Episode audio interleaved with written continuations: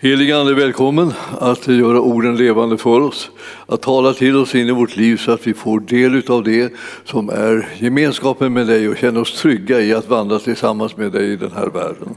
Vi vill vara de som gör din vilja, som följer dina fotspår och som ger dig ära. Vi överlåter oss Herre till dig och din heliga Andes ledning. I Jesu namn. Amen. Ja, välkomna hit. Eh, det här är ju en eh, en kväll som är liksom lite grann undervisningsartad. Eh, inte, inte riktigt lika kompakt som jag tänkte från början, utan det blir liksom, eh, men jag ska försöka göra, eh, göra den stabil ändå på något vis. Eh, det här är, är så att vi Eh, jag ska tala lite grann om, om det, det kristna livet och villkoren för det. Det är ju så att vi nästan all, alltid så när man möter kristna och är tillsammans med kristna så pratar de om den, att vi har en gemensam längtan om att vi ska bli väckelse. Alltså, det vill säga att vi ska vakna eh, att vi ska vilja ta det här med kristenlivet på allvar och börja göra det som är Herrens vilja och göra det i den heliga Andes kraft att vi ska få en ny uppskattning så att säga, av bibelordet så att det inte bara är ett förslag som vi tar om vi tycker att det verkar eh, liksom intressant eller utmanande eller tillräckligt lätt eller, eller någonting sånt där. Utan det är liksom så att bibelordet ska vara liksom det som leder oss i livet och det som väcker den här levande tron som gör att det andliga livet kan börja fungera. Inte bara att det, att det blir liksom någonting som eh, man, man hör om och man, och man tycker det låter fint och så här, och sen går man och lever som vanligt. Alltså, utan vi, vi, det meningen är att bibelordet ska bli som en, en levande kraft som bara slår in i ditt och mitt liv som gör att vi ändrar oss hur vi, hur vi lever. Alltså vi börjar leva efter, precis efter de riktlinjer som bibelordet drar upp.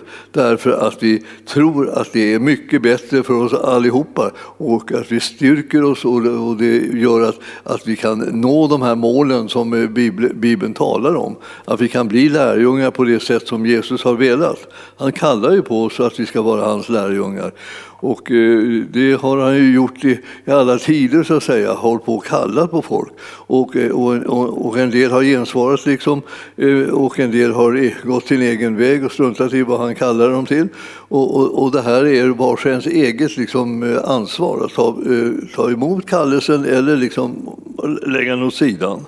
Man kan göra det mer eller mindre dramatiskt. En del kan låtsas att de, de råkade glömma bort det alltså, att det skulle leda till någonting, utan det är huvudsaken att man tyckte beundrade Jesus, att han var bra och fin och så.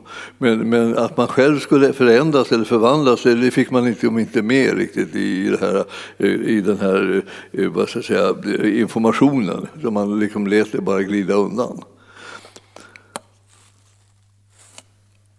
Jag tänkte att eh, jag, jag tog med mig lite böcker, alltså inte bara för att ni ska se vilka tjocka böcker jag läser, utan för att, att ni ska förstå, det finns tjocka böcker om det här med den kristna tron och eh, det, det finns en väldig massa att säga om det. Och, och jag skulle önska att ni, ni ni, ni, tog och följde med lite grann i det som är, är så säga, ganska enkla och liksom lite självklara saker och i det andliga livet. Vad det är som man måste klara upp och hålla reda på för att man överhuvudtaget ska kunna gå, komma rätt i det. För att inte det hela ska bara rasa ihop för en och man känner att allt blev en besvikelse. Det här blev inte alls vad jag trodde.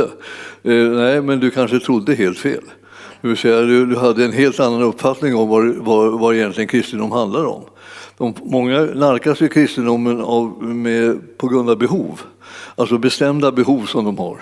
Det är saker och ting som inte fungerar, saker och ting som de blir, vill bli hjälpta med och de kanske blir helade eller befriade eller upprättade på olika sätt. De kanske liksom vill avlösa och ska bli befriade från, från ensamhet och isolering och sådär. De, de, de söker gemenskapen och de söker liksom kraften att kunna vara kristna så här, så det, där de har hört att det kunde vara så häftigt och så.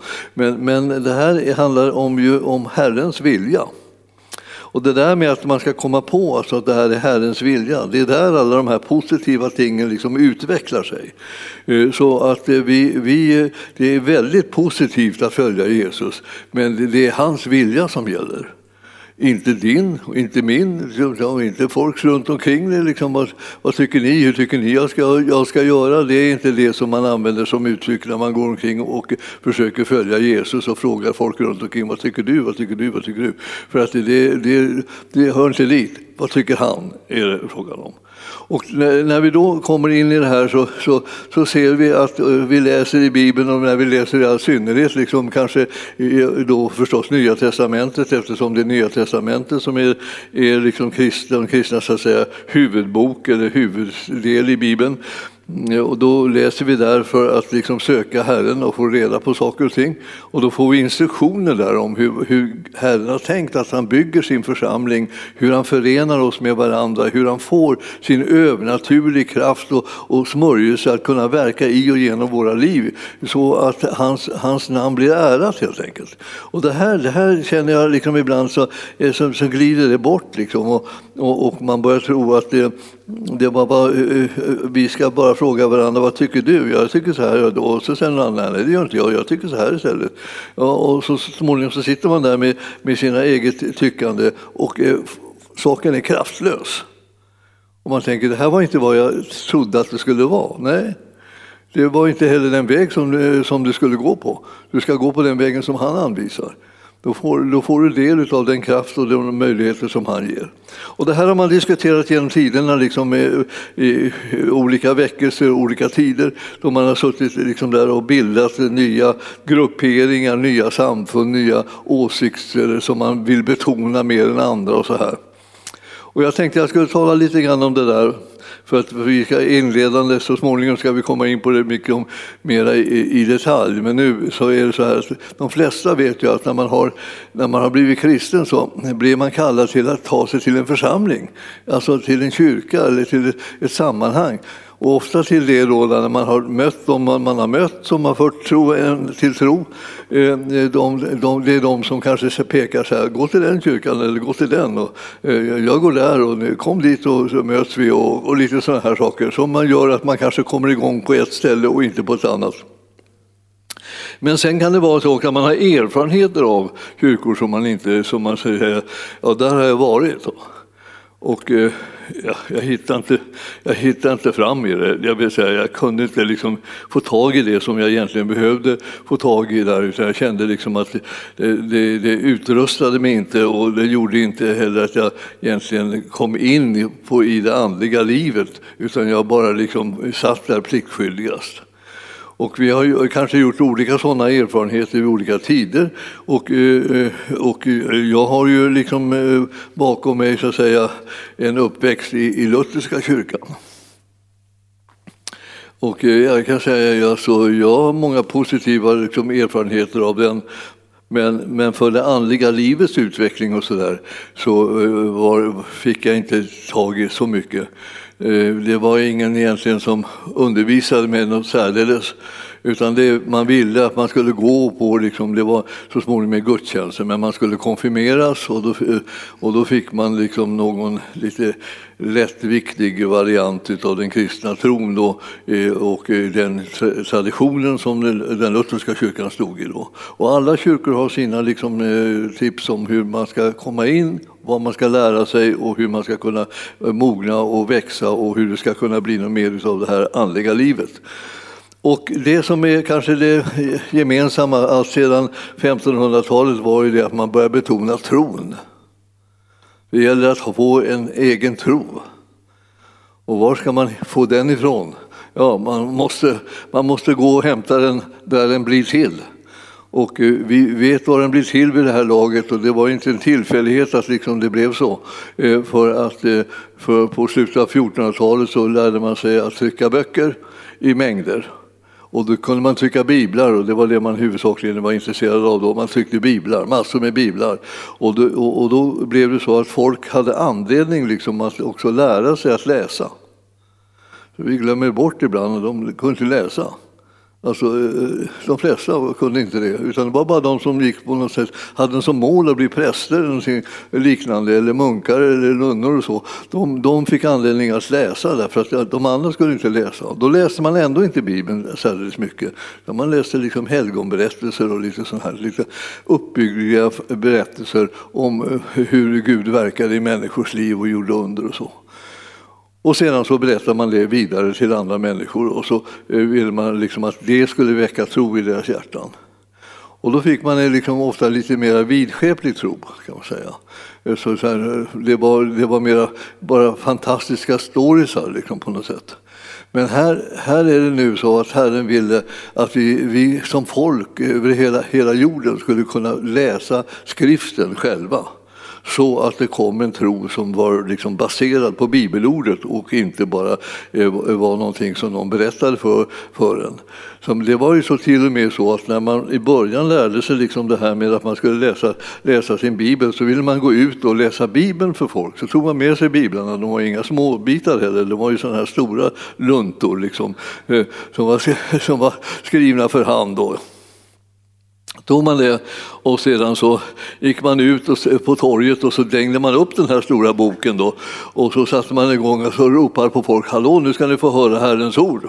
Och så satte man igång och läste. När man då läste det där som stod där då kände folk inte igen det.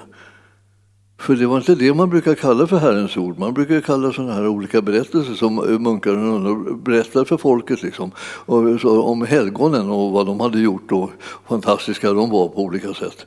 Så man började kasta sten och, eh, och gamla ruttna frukter och allt möjligt på de här som stod och läste i Bibeln. Man trodde det var någon falsk historia. Det där har vi aldrig hört förut. Så ni förstår, det blev en revolution liksom egentligen bland människor när de började läsa sin bibel. Det blir det fortfarande idag. Alltså folk vet inte vad det står där förrän de läser det. Alltså, de kan ju naturligtvis ha hört någon, någon, någon berättelse så här och där. De, ibland så vet de till och med liksom varför man firar jul. För det mesta inte. Utan de tror liksom att det är julgran och julklappar och tomtar och sånt. Här. Eh, men det handlar det inte om, det handlar om Jesu födelse. Och, vi, och varför firar man påsk? Och när jag lyssnar på eh, sådana här små eh, så här frågesporter eh, så, så märker jag det. Är det någonting som de har knepigt med så är det frågor, sådana enkla frågor som varför firar man påsk? Och de tänker på ägg, eller, eller så har de fått för sig att de ska eh, ta över en, en tyska traditionen, sådana här påskharar eller någonting sånt där. och, och det, det, är det va, liksom, som, är, som man ska fira. Alltså, de förstår inte, liksom, vet inte om att det är Jesu död och uppståndelse. Och, det så, och de där två hänger ihop. Alltså. Och för den kristna tron är det för, för, fullkomligen den viktigaste högtiden som finns överhuvudtaget. Och, och, den, den, eh, och den är också väldigt svår att fira, till och med bland kristna. För att eh, vad vill de göra när det är påsk? De vill åka till fjällen. Åka skidor, åka skidor, åka skidor och sen kommer du tillbaka sen efteråt. Så här, hur, hur har påsken varit? Det var härligt, jag åkte skidor, åkte skidor. Och så. Och så. Men alltså, det handlar inte alls om det. Alltså, de, de kan, lyckas inte få till ett enda, enda, enda besök alltså, där man liksom talar om vad, vad påsken handlade om. De hörde aldrig gudsordet. De fick aldrig någon tro genom det, som det var tänkt. Utan vi predikar och vi predikar och predikar och eh, om ingen kommer och hör så, så blir det ju inte många som tror. Och förmodligen kommer ingen och hör, ja, då blir det ingen som tror. Så att det är ju jätteviktigt att budskapet så att säga, når till människorna och kan beröra deras liv och deras hjärtan. För det här är det bästa budskap som finns överhuvudtaget. Det här handlar om liksom hur hela livet kan få en helt annan betydelse och en helt annan styrka och en helt annan, annan balans eh, än vad den kan få annars när man inte känner honom som har besegrat döden. Han som ger människor som tror på honom evigt liv och föder dem på nytt så att deras hela, hela deras tillvaro blir förvandlad. Alltså det här, det här är han som erbjuder en trygghet, liksom, en styrka i livet som, som gör att man, man slutar upp i någon större utsträckning att vara rädd. Man tänker så här, men, ja, jag, men jag känner mig fortfarande rädd. Ja, ja, men eh, låt Herren liksom röra vid ditt liv och, och bekanta dig med honom som lever i och genom dig så kommer du märka hur rädslan så att säga liksom bara försvinner och blir till, till, som bara till en liten pust och en litet moln som bara försvinner och upplöses. Vi håller på och eh, försöker göra Jesus känd när vi är här i en församling. Och församlingen liksom eh, hörs ju att det är där man samlas.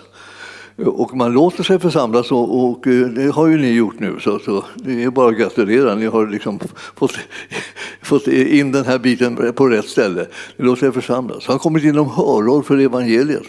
För om vi ska prata om Jesus, vad han har gjort och vad han vill och hur han tänker. Men vi ska också prata lite grann vad människor tänker. För att vad människor tänker liksom skapar liksom ofta en, liksom en annan bild och en annan föreställning om vad det hela handlar om när det gäller den kristna tron. Och det här, jag, jag tänkte så här att för det första så är det ju så att man får höra om Jesus, vad han har gjort. Nämligen att han har gett sitt liv för oss för att vi ska kunna bli födda på nytt och bli förlåtna och våra synder ska kunna bli förlåtna och vi ska kunna få en helt annan grund och förutsättning för livet som vi lever här på jorden. Men, men när vi tar emot Jesus och vi kan bara titta på det stället och det, det, det lär sig ju många så småningom helt utan till. Alltså i, i Romarbrevet eh, och eh, så är det, är det den, det tionde kapitlet och nionde nionde versen där och eh, eh, tionde versen så står det så här, Romarbrevet 10, 9 och 10 alltså. Om du därför med din mun bekänner att Jesus är Herren, och det betyder Gud. Herren betyder Gud när det står i bestämd form sådär. Alltså, det kan tänkas här, har de skrivit fel eftersom ska de inte säga Jesus är Herre, och det är han också. Men när man säger Herren så menar man Gud. Och då och i ditt hjärta tror att Gud har uppväckt honom från de döda, då ska du bli frälst. Ty med den hjärtat så är det man tror och blir rättfärdig och med munnen bekänner man och blir frälst. Så det behöver hända vissa bestämda saker. Alltså, det behöver finnas en tro som kommer in i ditt och mitt hjärta och det behöver samtidigt också finnas en, en koppling till att du säger någonting när du har blivit frälst. Alltså. För det första så att du säger att du tror på honom, men sen eh, om du tror på honom så blir det till att ditt hjärta har, har liksom blivit eh, liksom ockuperat med den här tron. Och då, eh, då bekänner du med din mun att du har tagit emot honom. Så du behöver liksom få med munnen också. Och, eh, och, eh, om man ska säga någonting med sin mun så de flesta av oss har ju, tänker ju en tanke först, om vi säger så. Eh, det är klart, det går ju naturligtvis att säga någonting utan att, utan att tänka en tanke. Och det får man ofta ångra på olika sätt för då kan man säga fel saker. Men alltså det, här, det här är ju så att du ska, du, du ska från ditt hjärta som du tror i kläcka ur dig liksom din bekännelse på honom. Eh, och då eh, blir du en mottagare utav frälsningen. Så att det här är, det, är flera steg i det, men, men, men eh, de flesta får till det där rätt eh, liksom utan att veta tänka på de där stegen och nämnvärt. Men så att med hjärtat tror man, står det. Och, eh, och det betyder med sin ande tror man. Det, det är alltså, hjärtat är inte det liksom fysiska hjärtat, utan det är människans innersta.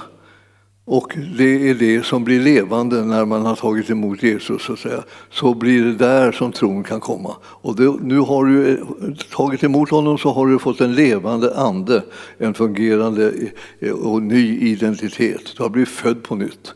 Och det här att du har blivit född på nytt, det, det är liksom en, en, grundläggande sak. Man ser här i, i, i skriften när man läser om det här, och genom den här hjärtats tro så blir man rättfärdig.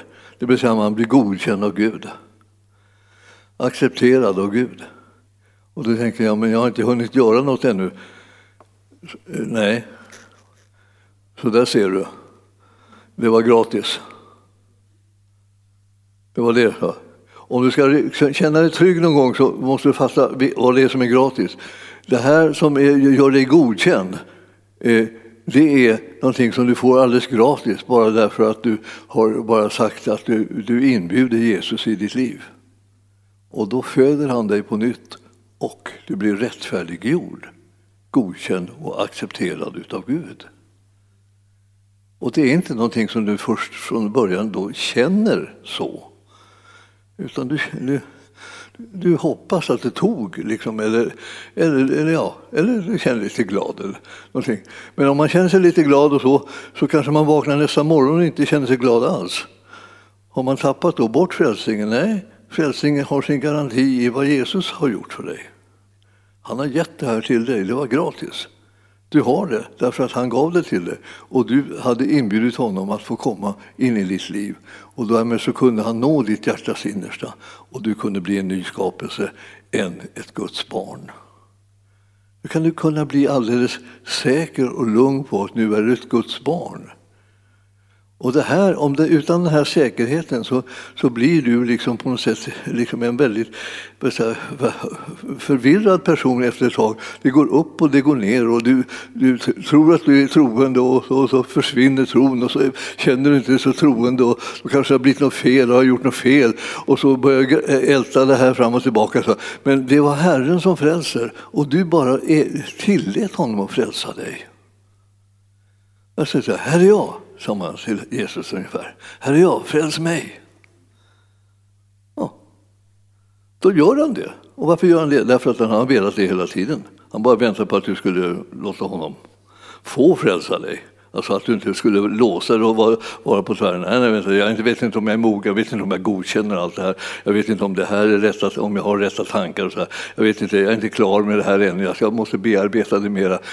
Det behövs inte för frälsningen. Frälsningen är ett gratiserbjudande till den som tror att Herren är mäktig att ge någonting av det här som han talar om, nämligen evigt liv. Och han kan väcka en tro som, som håller i alla, all, i alla väder. Och, och den tron är inte en känsla. Och visst har vi känslor, men det är inte de vi bygger på. Vi bygger på tron.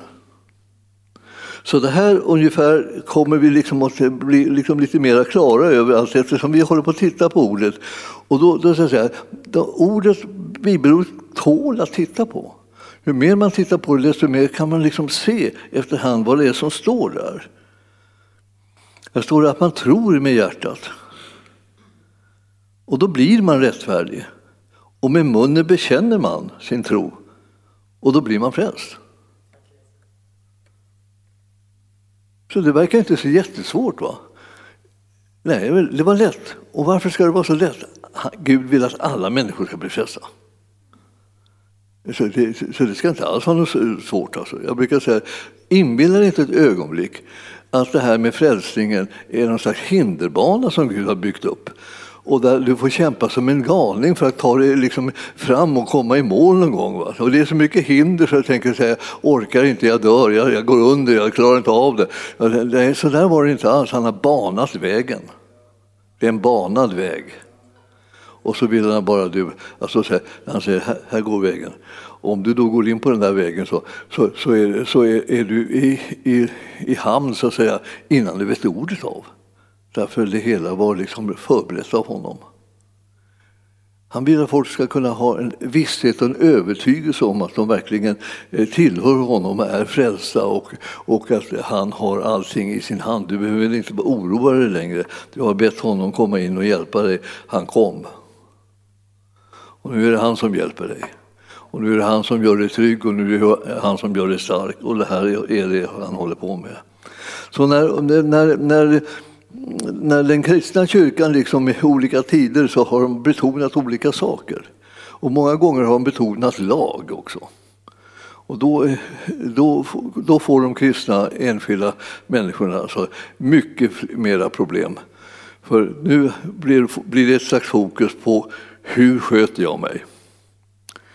Och eh, vill inte Herren att jag ska sköta mig då? Jo, det vill han. Men varför? Ja, han vill att du sköter dig därför att du känner att han älskar dig. Och då vill du älska honom tillbaka genom att göra hans vilja. Det är den typen av skötande så att säga, som han vill ha, ha tag i och som han, han vill ha in. Och han, han vill att, att väcka din lust så att, säga, att vara, vara honom till lags, därför att du älskar honom tillbaka. Och det, här, det här blir så jättehärligt och, och, och, och bra när han, han, när han får in det på den här vägen. Ja, genkärlek är det. Han älskar dig och du älskar honom, så att säga. Inte på låtsas, utan på riktigt. Och det där, eh, att det blir på riktigt blir ju först när man känner, liksom att, känner så här att eh, nu, nu, nu har den här kärleken från Herren nått mig. Det har blivit så att säga, en övertygelse och en visshet i mitt liv att han, han, han har verkligen tagit på sig alla mina synder och han har, han har dött för dem och nu är jag försonad med Gud och nu har liksom himlen blivit öppen. Det hela blir fullkomligt eh, underbart och, och, och det är nästan som man blir misstänksam mot det för att det skulle vara så väldigt härligt bara utan, utan vidare. Ja, men jag, jag har ju massor med som jag måste ta itu med. Ja, det är det som man löser genom att man älskar honom tillbaka. Han visar en väg, han kom, vi får komma in på den vägen och vi får gå på den. Så det här är, är, är då liksom den, den nya vägen som vi ska gå på, som ska hålla oss på, liksom på rätt spår eh, och, och, och under det att vi liksom har fått tro i våra hjärtan. Vi hör bibelordet och vi väck, det väcks tro och vi kommer att bli sådana som, som litar på den tro som har kommit in i vårt hjärta. Och vi tänker den, den, den håller, den bär, den, den, den, fungerar. Och då kommer, då kommer vi allihopa, så att säga, allt eftersom vi, vi blir delaktiga utav det här och hör mer och mer av ordet eh, så kommer vi få en allt starkare så att säga, tro. Vi blir allt mer liksom, stabila i vår vandring med Herren. Och då vill jag säga till dig det här med att läsa bibelordet, alltså det, det, det, det är ju någonting som vi alltid rekommenderar eh, nu för tiden. Nu vill säga, förr i världen så rekommenderar inte det. Alltså katolska kyrkan ville inte på 1500-talet att någon skulle hålla på att läsa Bibeln. Vanligt folk. För det första, de, de kunde i allmänhet inte läsa, så det, var ju liksom, det skötte sig själv. Så att de, då slapp man oroas för att de skulle läsa någonting som de inte man ville att de skulle läsa när de läste Bibeln själv. Då. Och sen tyckte man det att om de skulle, kunde läsa och läste Bibeln själv så, så skulle de inbilla sig att de förstod den. Men förstår den, det gör de inte hade man bestämt sig för, utan det förstod bara vissa prelater i, i, kyrkan som hade blivit utsedda att tala om vad det, vad det betydde, det som stod. Så man ville inte att gemene man skulle läsa Bibeln. Men nu gick inte det här att stoppa riktigt, för när man, boktyggarkonsten satte igång så, så började folk så småningom eh, bli nyfikna och så började de på ena eller andra sättet lära sig att läsa. Och så började de läsa själva. Och i och med att var, man kunde trycka böcker så, så, blev det ju många fler böcker i, i, i, i rörelse. Och efter det så hade man tillgång till en sån här bibel och, och, och började läsa där. Och då kunde man se de mest fantastiska saker som man inte hade en aning om. Alltså, man var övertygad om liksom att man kunde aldrig vara säker på att man var frälst. Och man, alla skulle kunna vara säkra på att de skulle hamna i skärselden. Och man visste aldrig om man skulle komma ut ur den heller. För det här var sådana där läror som man kände, då håller man folk i schack och då är, då är, de, då, då är de osäkra. Och då, då, då vet man, då, då kommer de att vara nervösa, då håller de sig nära liksom kyrkan och, och stöttar kyrkan. Som, och kyrkan var liksom den enda räddningsvägen då som man skulle kunna hitta, även om man inte fick veta hur man skulle kunna riktigt bli räddad. Det var vissa saker som var hjälpte en på vägen och de finns kvar också ganska mycket. Så fort det kommer väckelse så kommer det bli liksom spänningar kring, kring de här frågorna. Och det, är, det ena är dop. Och det andra är liksom, liksom den, den, den här frälsningsgrunden. Hur blir man frälst? Men att, det blir, att, man, att, man får, eh, att man måste döpa sig till exempel eh, på sin tro som det ofta kommer i väckelsetider. Du ska döpas på din tro, det vill säga först, först blir du liksom en troende genom att du tar emot Jesus när du hör budskapet om honom och då inbjuder du honom i sitt hjärta och han frälser dig. Och sen, sen ska du tala om det för omvärlden och det gör du genom att du låter döpa dig. Det vill säga, du demonstrerar för dem vad det är som har hänt. Och då betyder det att den gamla människan har jag dränkt. Och när jag uppstår därifrån så är det till nytt liv. Så det var liksom, man var fortfarande liksom ganska inställd på att så, eh, vattnet, eh, sjöar och floder och, och hav och alltihopa sånt, det var sånt man dog i. det var, det var så sim, simkonsten var inte liksom särskilt spridd den heller. Så att man var säker på att hamnar man i vattnet då dör man. Alltså. Om det inte sker ett under. Så därför så visste man liksom, liksom hur det skulle gå. I vattnet var då död. Och kom man upp ur vattnet igen, då, då blev man levande på nytt. Och det här det, det, det levande livet som man fick tag i just då, det var det livet som, som var uppståndelselivet. Det där som gjorde att som man uppstod med Jesus, man, man säger jag dör med honom Eh, för, på grund av att han dog för mina synder så följer jag honom i det. Och sedan så när han uppstår så uppstår jag, men fri från synden. Alltså synden lämnar vi kvar i vattnet, alltså, och, eller i döden, eller vad ska vi säga. Och nu, nu, är, jag, nu är jag fri. Och, och, då, och då kände jag att då, då kunde folk förstå det. Ah, man måste liksom ta koll på det gamla livet och, och så hitta det nya. Liksom. Just, just det. Va? Och, och då, då, då, visste man varför, hur man skulle göra när det gällde det här med dop. Det här var inte kyrkans lära. Och därför, så, eftersom det inte var kyrkans lära så blev det ju liksom annorlunda då genast. blev ett problem. Alltså, folk skulle läsa liksom om att de lät döpa sig och, eh, och eh, efter det att de hade tagit emot Jesus. Och det var inte så man tänkte på den här tiden. På den här tiden hade, hade man praxis att man döpte barn. Och det har man ju fortfarande i vår tid också eh, i olika samfund. Så att säga. Man döper barnen. Och det gör man för att de ska bli frälsta. Och varför, hur kan de bli frälsta bara för när man döper dem och de har ingen tro? Därför att den som döper dem är en präst som har blivit vigd på rätt sätt.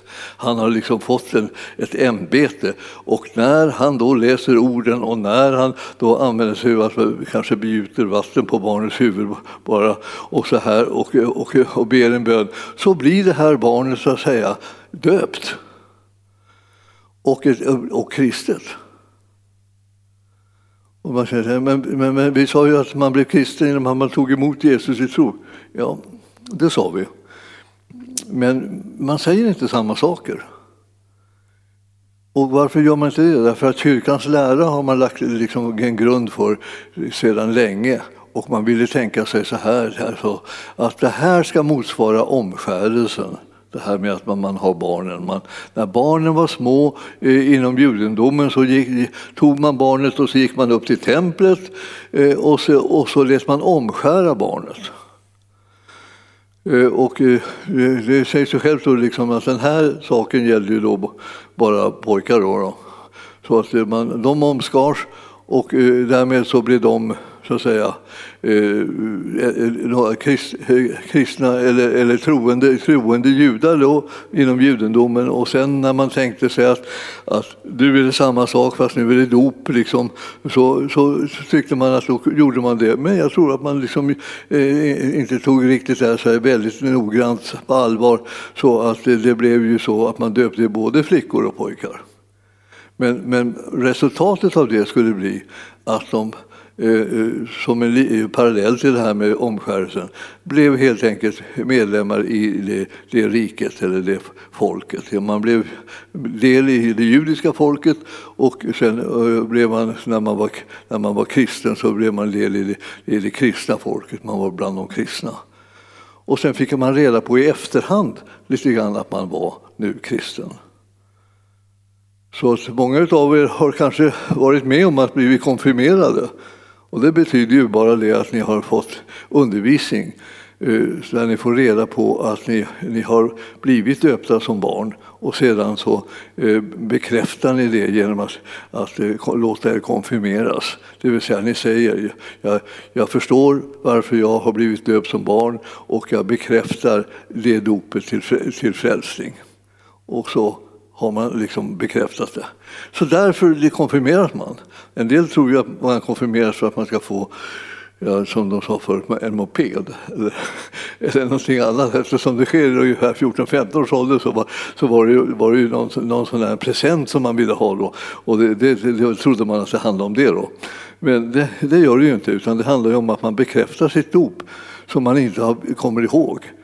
Eh, men, men, men man vet att det är antecknat att man hade blivit döpt då, när man var lite litet spädbarn. Och nu bekräftar man det i konfirmationen. Så därför så, så har man den där dubbla delen då, så, man får en senare. Och är, då, är man då troende då när man bekräftar det? Eh, för det mesta inte. Sen beror det lite grann på pressen. För det kan ju tänkas att, att prästen också liksom ser till att, att alla får en chans att ta emot Jesus också. Men det är inte så jättevanligt.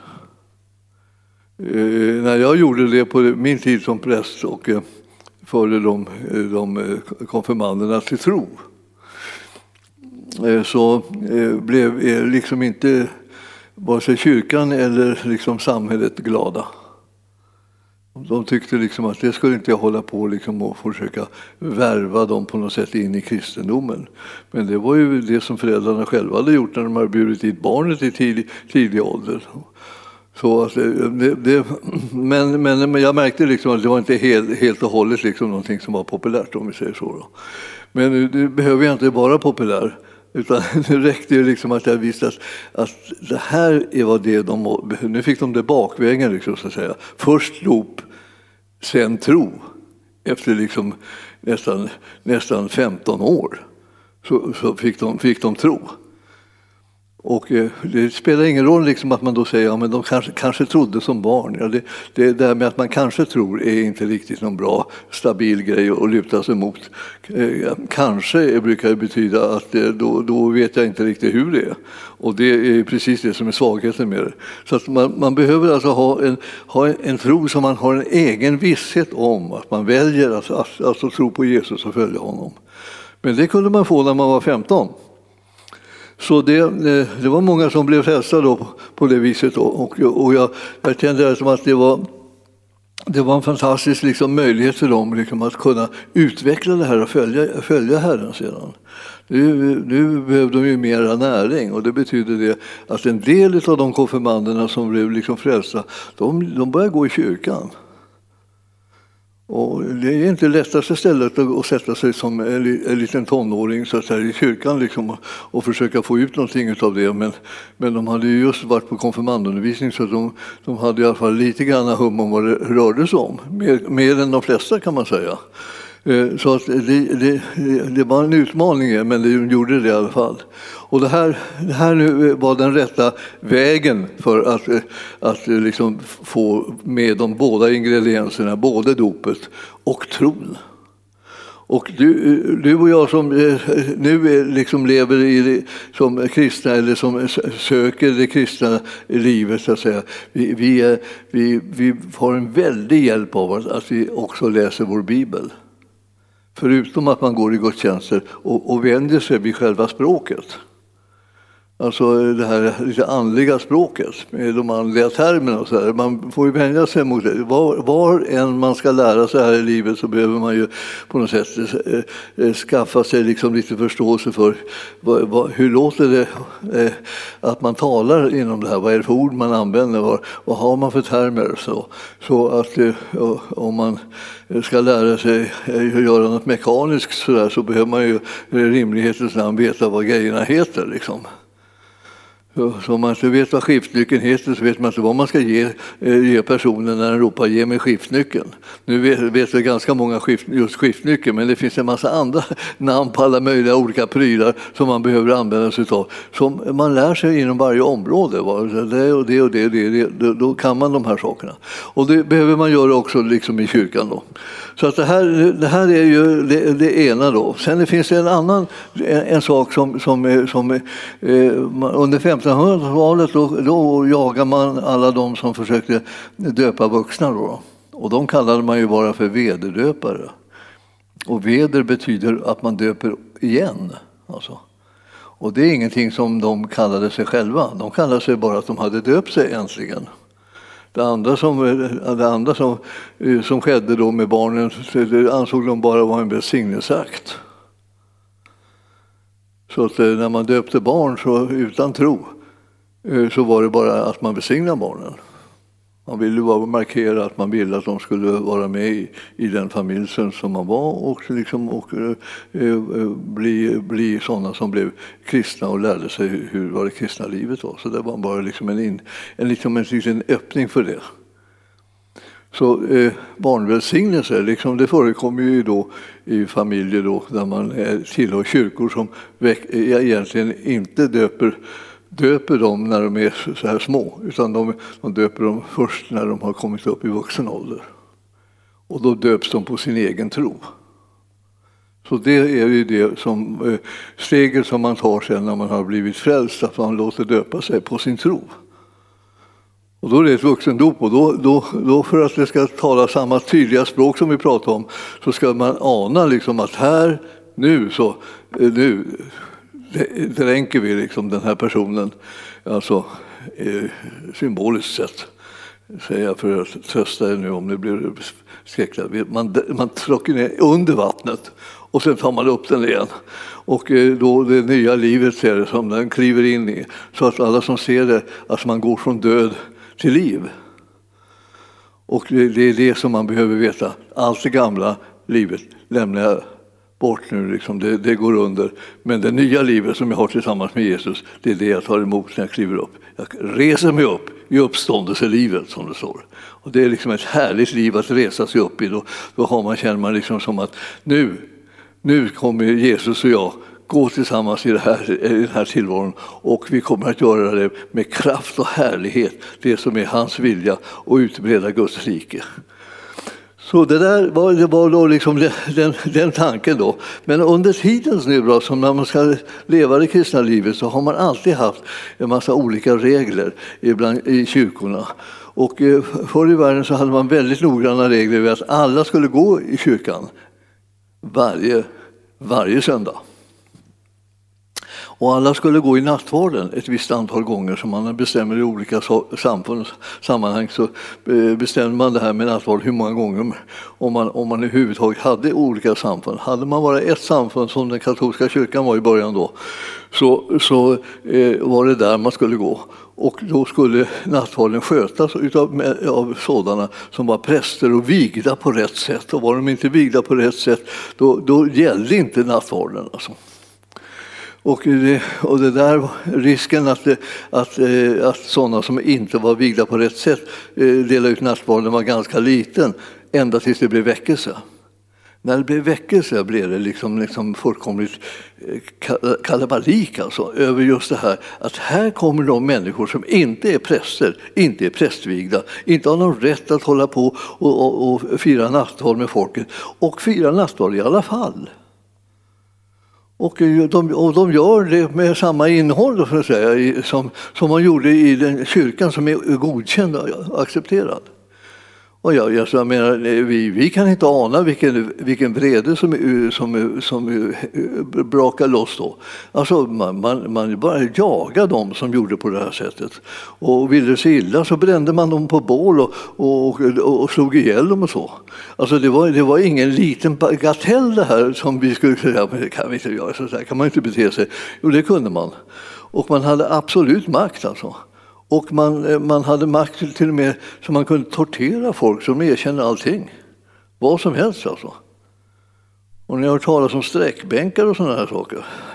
Ja, man vågar ju knappt nämna det här, men alltså, man, man, man slet sönder folk. Va?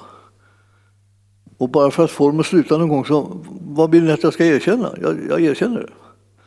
Alltså det, var, det, var, det var ett maktmissbruk va, därför att man var ensam om liksom, att det var den enda som hade rätt att, att göra andliga saker. Och, och, det var den etablerade kyrkan och som också var en, liksom, i närmast en statskyrka kan man säga. Så det här, nu, nu, nu har vi liksom sett att liksom nattvardsfirandet, det blev också i väckelsetider en väldigt, väldigt skakande historia. Alltså. Hur vågar någon sätta igång och fira nattvard utan att någon godkänd präst är närvarande?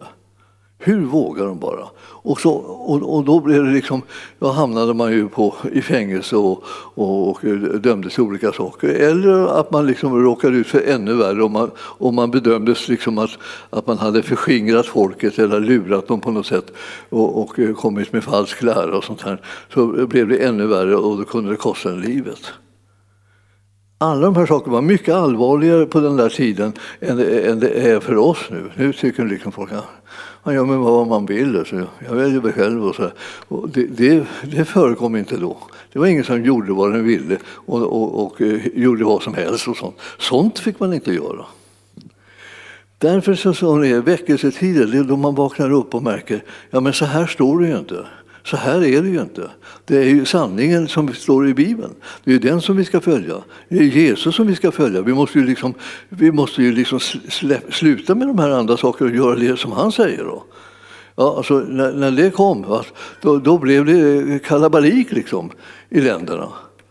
Och många av de stora krigen som var i Europa från 1500-talet, 1600-talet och 1700-talet de var motiverade utifrån det här krig om, om vad man hade för tro. Alltså.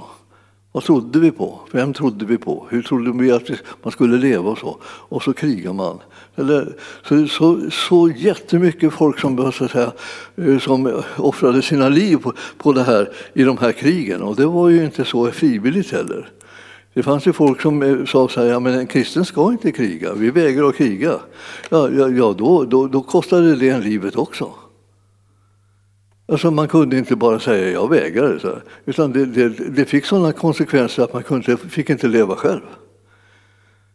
Samhället ägde en, sa bara du utsedd till soldat, du utsedd till soldat. Det var ju en diktatur utan like liksom, i samhällena på den här tiden.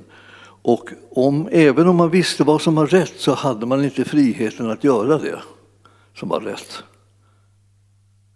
Och när vi nu ska liksom se lite vidare så småningom på det här hur det liksom utvecklar sig med väckelsetiderna, då, då, då till slut blir det en sån väldig kraft i det här med det andliga livet som kommer in. Att människor blir så, de blir så starka och målmedvetna i sin, i sin tro att de inte är rädda för någonting. Inte ens för att folk blir hotade till livet blir de rädda. De ändrar sig inte ändå, de gick ändå framåt, de tog inte tillbaka någonting.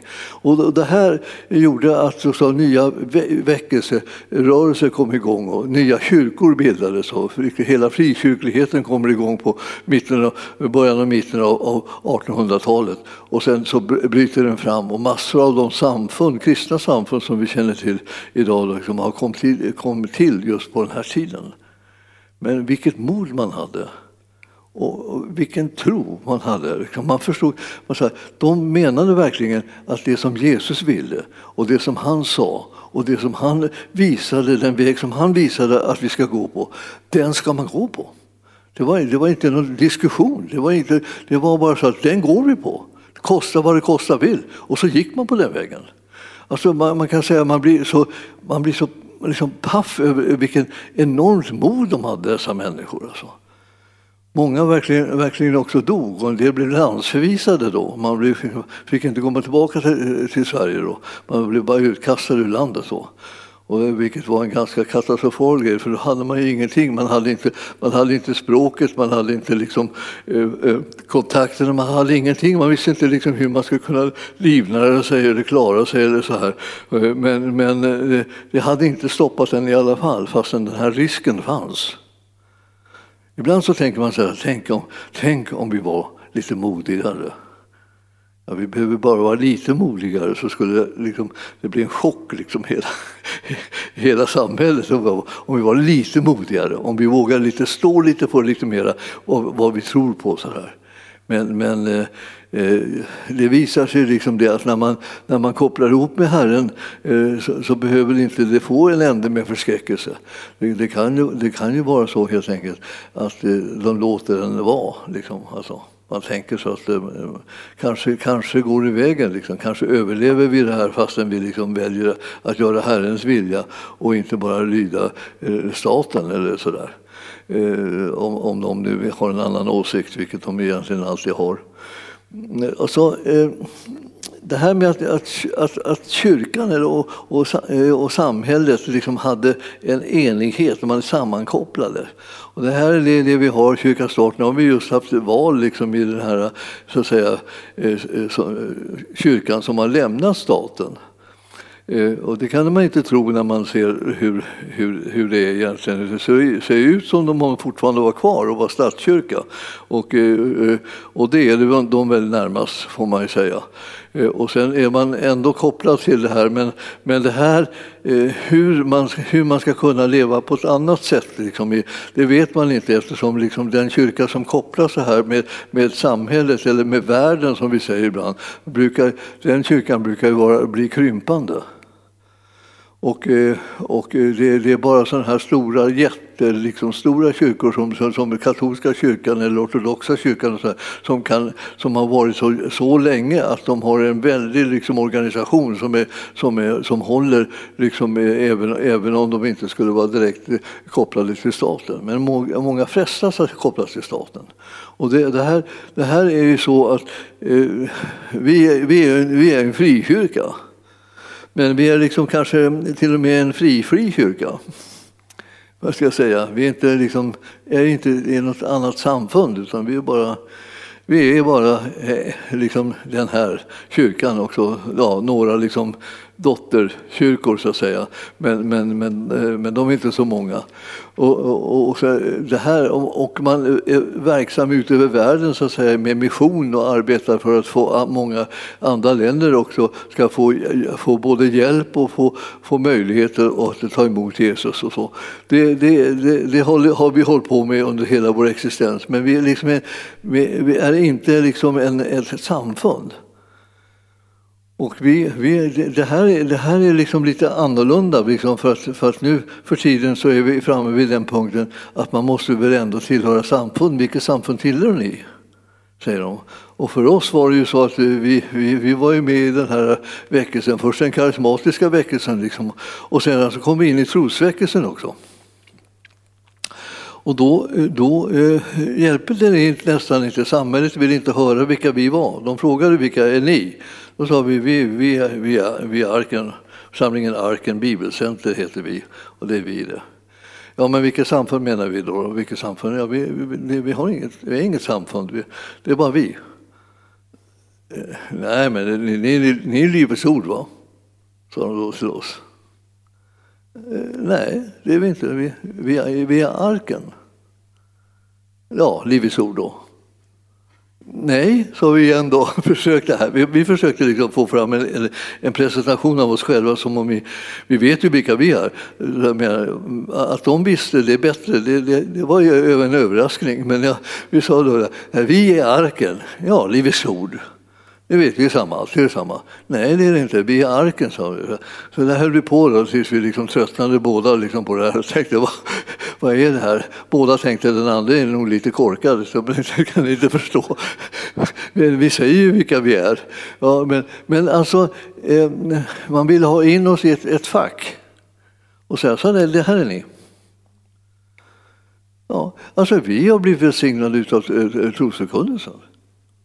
Det, det, det, det tar vi inte, slår vi inte liksom tillbaka för. Det är klart att vi har blivit. Vi har blivit besignade av, av många olika riktningar och, och undervisningar av olika slag som, som gäller bibelordet. Men vi har prövat de här sakerna utifrån skriften och vi har behållit det som vi har sett vara gott och, och fungerande liksom utifrån den synpunkten att det här kan vi tro på eftersom så här står det skrivet. Så att eh, eh, det, det, är inte lätt liksom för omgivningen att låta någon vara det den är utan man vill helst att den eh, ska rätta in sig i ledet. Och här, ja, men du vet väl om du är baptist eller pingstvän eller, eller, eller om, du, om du tillhör eh, Svenska Missionsförbundet. Eller det vet, du, vet väl, du vet väl det? Ja, jag vet det. Jag är inget det då.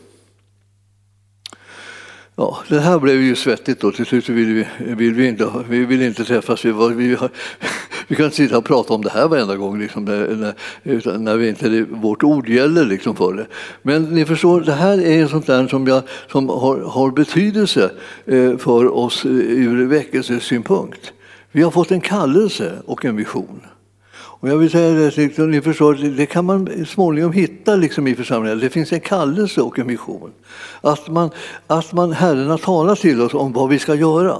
Han har sagt vad vi ska heta och han har talat om vad, vad, vi ska, vad ska vi ha för uppgift. Och då har han gett oss den här bibelstället från Hesekiel eh, 34 och 4 och så eh, den 16 eh, versen brukar vi lägga till bara för att förtydliga liksom vad det innebär det här. Men, men alltså, där står det vad det vi i huvudsak ska hålla på med. Och, och, och det, det, tycker jag liksom är liksom ganska viktigt för oss att få säga också utan att få något slags mothåll. Alltså, vi, vi är ju liksom en, en en, en, organisation eller, eller, eller kan säga, en, en kyrka som, som Gud har talat till om var, var vi ska lägga betoningen. Och eh, då eh, ska vi ta och titta på Hesekiel. Då, då. Eh, Jesaja, Jeremia, Hesekiel, så ligger det i ordningen då i Gamla testamentet. Där. Och, där har vi den.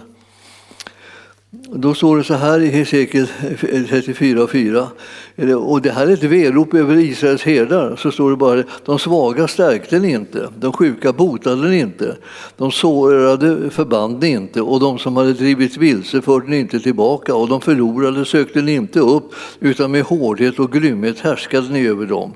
Det var Herrens ord till Israels herdar. Det var en kritik. Alltså. Och Herren sa till oss, jag vill att ni uppfyller det här i positiv bemärkelse. Och eh, jaha. För jag tänkte, vill han bara liksom skälla ut oss liksom på något sätt?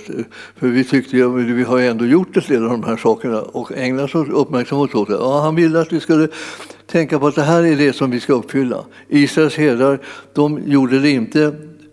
Nu är det ni som ska göra det. Och i 16 versen står det så här att Herren säger de förlorade ska jag söka upp.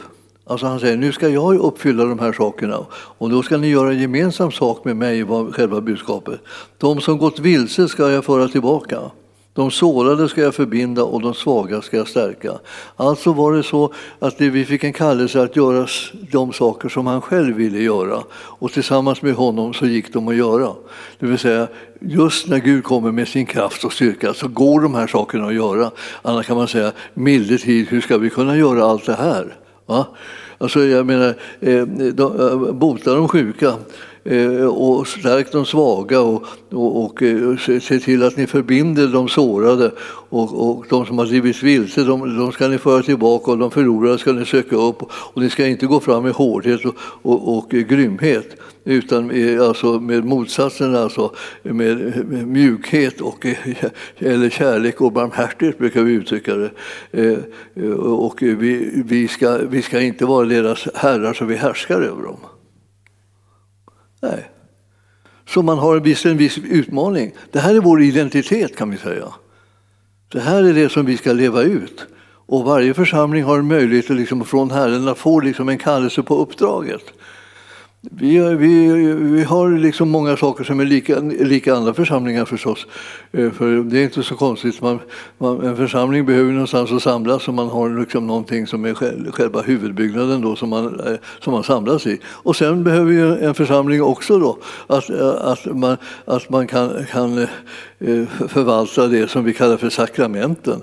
Även om vi inte tycker att de är några egentligen heliga handlingar i den bemärkelsen. Men de har ett syfte att påminna om det som Herren vill göra bland oss. Och han, han, han vill eh, göra oss uppmärksamma på att eh, han, han, hans blod har utgjutits till försoning för all synd. Och han, han, han vill, eh, vill göra oss uppmärksamma på att eh, vi, vi har, eh, vår, som, han som vår frälsare liksom har, blivit, har blivit dödad i vårt ställe. Och när, när synden var försonad helt och fullt så uppstod han på tredje dagen för att vi skulle få del av det. Det är den seger som han vann över döden. Så nu har vi så att säga, döden bakom oss.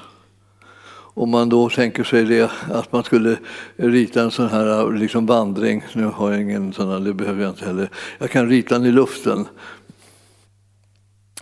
Här står du nu då, så säga, innan, du, innan du blir frälst och så går du vägen fram så här och så kommer du fram till eh, en avgrund som är, som är själva eh, eh säga, dödens rike då, neråt och så är korset ovanför. Så här. Så det kommer igång det här, sätter tro på korset. Då följer du hans död och hans uppståndelse och kommer upp på andra sidan. Där döden nu liksom, och, och graven är bakom dig och livet och evigheten är framför. Var och en som tror på Jesus har evigt liv. Det vill säga, ingen kommer att kunna skilja dig från Kristus Jesus. Alltså, det eviga livet det handlar om himlen, det vill säga att himlen är öppen. Så att, eh, ibland så får vi kristna leva så här med känslan av att undra om jag kommer in.